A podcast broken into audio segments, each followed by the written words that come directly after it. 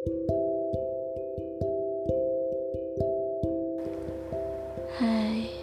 sekarang kamu lagi dengerin kata hati Podcast yang bisa kamu dengerin gratis kapan pun kamu mau. Terima kasih sudah berkenan mendengarkan ceritaku Karena memang kadang kita hanya butuh didengarkan Di kata hati podcast pertama ini Aku mau cerita perihal patah hati karena ekspektasi. Ya, seminggu lalu aku masih punya pacar. Ya, seminggu lalu. I know him. Dia adalah orang yang sangat mencintai aku dari dulu. Sampai di mana Dua hari sebelum ulang tahunku, tiba-tiba dia marah. Membesarkan masalah yang menurutku ini gak make sense buat dibesar-besarin. Bahkan merembet ke masalah yang sebenarnya sudah dibahas dan disepakati dari awal. Aku jadi mikir, apa dia kayak gini karena mau ngasih surprise di ulang tahunku. Ini salah aku sih. Aku terlalu menganggap dia orang sebaik itu dan aku sudah banyak menaruh banyak ekspektasi tinggi perihal hari ulang tahunku apalagi tepat sehari setelahnya adalah anniversary ketujuh bulan kita. ya, tanggal 20 adalah hari jadian kita.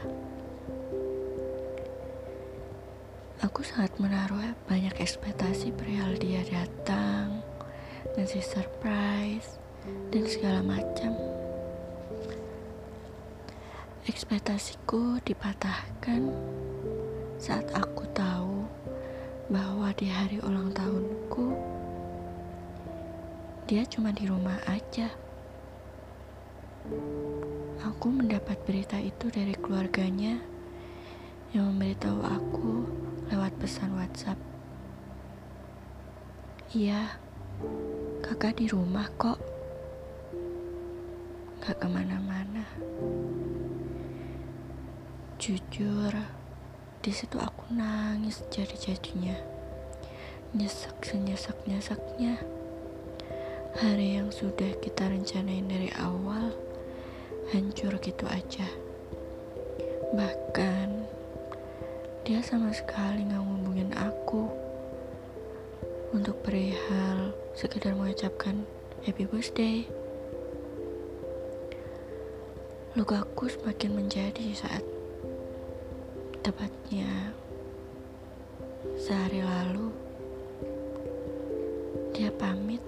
dan bilang kalau dia nggak bisa lagi berjuang.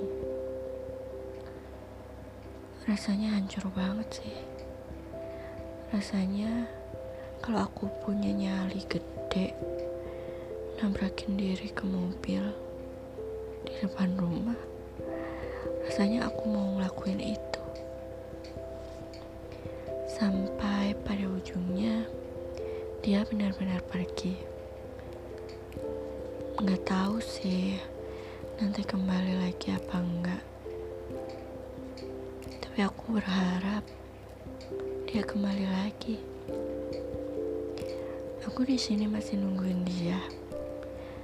Masih sayang sama dia. Masih mencintai dia sedalam itu. Banyak banget teman aku yang bilang, "Udahlah, ngapain lagi sih?" Kan udah dibilang dari dulu, yang inilah yang itulah. Tapi menurutku, selama sama aku dia baik, dia orang baik. Bodoh. Mungkin kalian yang dengerin juga bakal bilang kalau aku bodoh. Iya, aku tahu tapi aku menikmati proses ini. Setidaknya Aku yakin dengan pilihan hati aku. Setidaknya, aku tidak meninggalkan seseorang yang aku pilih, apa pun resikonya. Seperti janji aku ke dia dari awal, dari tujuh bulan lalu, bahwa dalam kondisi apa pun, dalam masalah apa pun, aku gak akan mau ninggalin dia.